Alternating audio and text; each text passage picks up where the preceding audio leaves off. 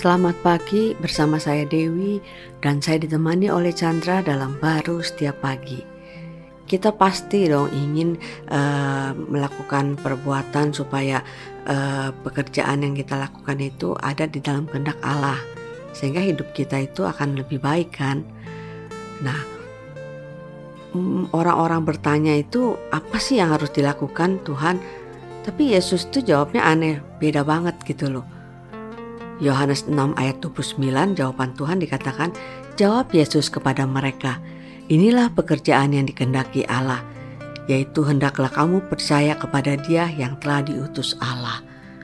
Nah Tuhan itu, Yesus itu memberikan jawabannya itu percaya, sedangkan eh, banyak dari kita itu mencari apa yang harus kita perbuat.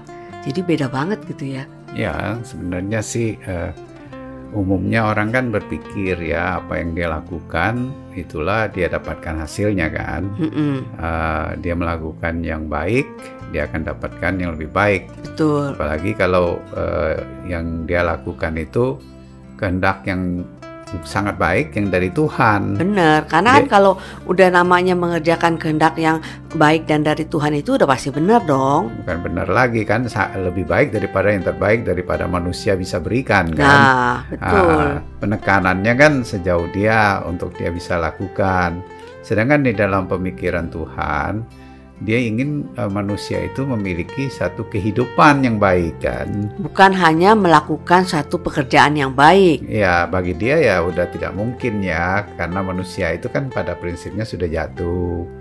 Manusia yang berdosa manusia yang ada batasnya dengan kematian itu hmm. ya kan? Uh, sebagus-bagusnya manusia bisa lakukan ya terbatas. Hmm. uh, seperti uh, istilahnya ulat ya menginginkan terbang ya nggak bisa paling-paling ngelompat-ngelompat sedikit aja kan hmm. nah, berasa dia bisa uh, melakukannya bisa aja dia memperbaiki hidupnya uh, hidup ulatnya tapi tidak bisa mengubah ulat menjadi kupu-kupu kan hmm. nah, itu yang Tuhan maksudkan dia datang itu kan untuk menebuskan hidup kita hmm. sehingga kita bisa menerima kehidupan dia, hidup kekalnya dia.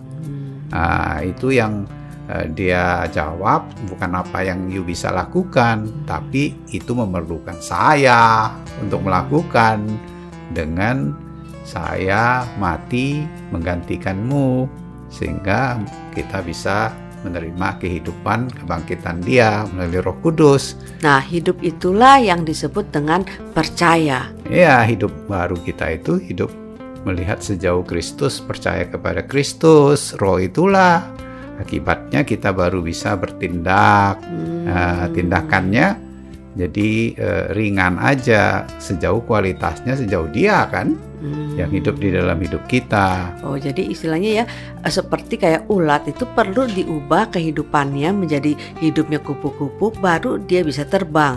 Jadi tidak perlu kita bertanya bagaimana bisa terbang, bagaimana uh, terbang waktu kita masih hidup sebagai ulat. Ya sebenarnya kalau sudah uh, hidupnya uh, kupu-kupu kan kita nggak maksa-maksa untuk hmm. dia terbang atau nuntut-nuntut ya, untuk betul, terbang betul. Uh, karena hidupnya udah sejauh hidup kupu-kupu yang bisa terbang betul nah, itulah hidupnya Tuhan dalam hidup kita menyatu ya sudah hmm. itu yang kita percayai dan itu yang bergerak dalam pergerakan setiap aktivitas kita oh jadi kita percaya dulu baru uh, pekerjaan yang uh, Tuhan kehendaki itu mengalir dengan begitu saja kita lakukan ya. Iya, dengan cara demikian kan sekalipun kelihatan berat pun dia nggak merasa berat, enak ringan aja karena ada kekuatan, ada keinginan yang baru dengan hidup barunya Tuhan di dalam hidup kita. Wah ini memang diperlukan dalam keadaan sekarang ini ya, di mana masa COVID itu kayak semakin uh, mengganas, semakin banyak.